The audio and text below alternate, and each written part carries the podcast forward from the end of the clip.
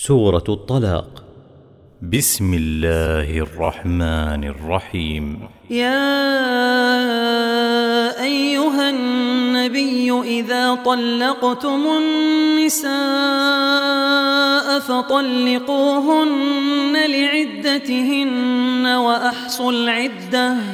واتقوا الله ربكم. لا تخرجوهن من بيوتهن ولا يخرجن إلا أن يأتين بفاحشة مبينة. وتلك حدود الله.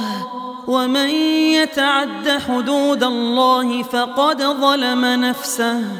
لا تدري لعل الله يحدث بعد ذلك أمرا.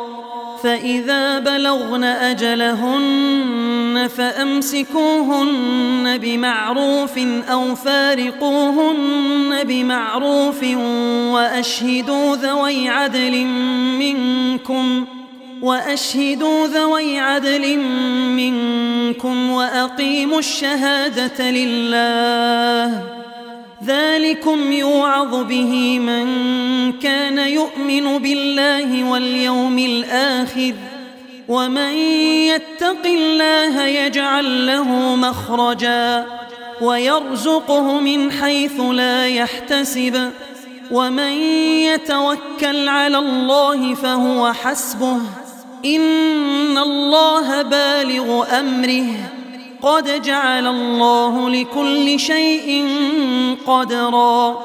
واللائي يئسن من المحيض من نسائكم إن ارتبتم فعدتهن ثلاثة أشهر فعدتهن ثلاثة أشهر واللائي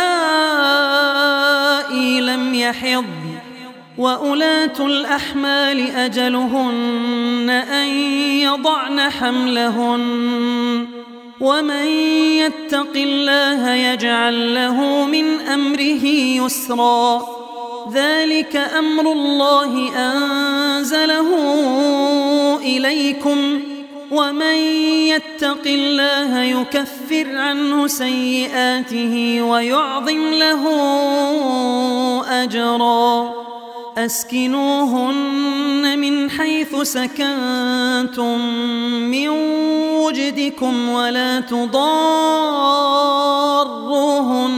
لتضيقوا عليهم وإن كن أولات حمل فأنفقوا عليهن حتى يضعن حملهن فإن أرضعن لكم فآتوهن أجورهن وأتمروا بينكم بمعروف وإن تعاسرتم فسترضع له أخرى لينفق ذو سعة من سعته ومن قدر عليه رزقه فلينفق مما آتاه الله.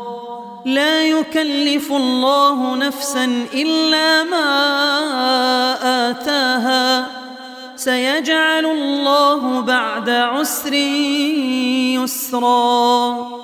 وكأين من قرية عتت عن أمر ربها ورسله فحاسبناها حسابا شديدا وعذبناها عذابا نكرا فذاقت وبال أمرها وكان عاقبة أمرها خسرا أعد الله لهم عذابا شديدا فاتقوا الله يا أولي الألباب الذين آمنوا.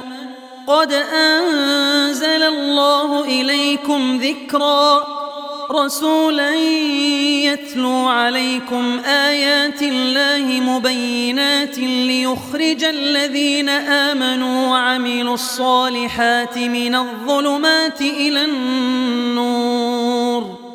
ومن يؤمن بالله ويعمل صالحا يدخله جنات تجري من تحتها الأنهار خالدين فيها أبدا قد أحسن الله له رزقا الله الذي خلق سبع سماوات ومن الأرض مثلهن يتنزل الأمر بينهن لتعلموا أن الله على كل شيء قدير لتعلموا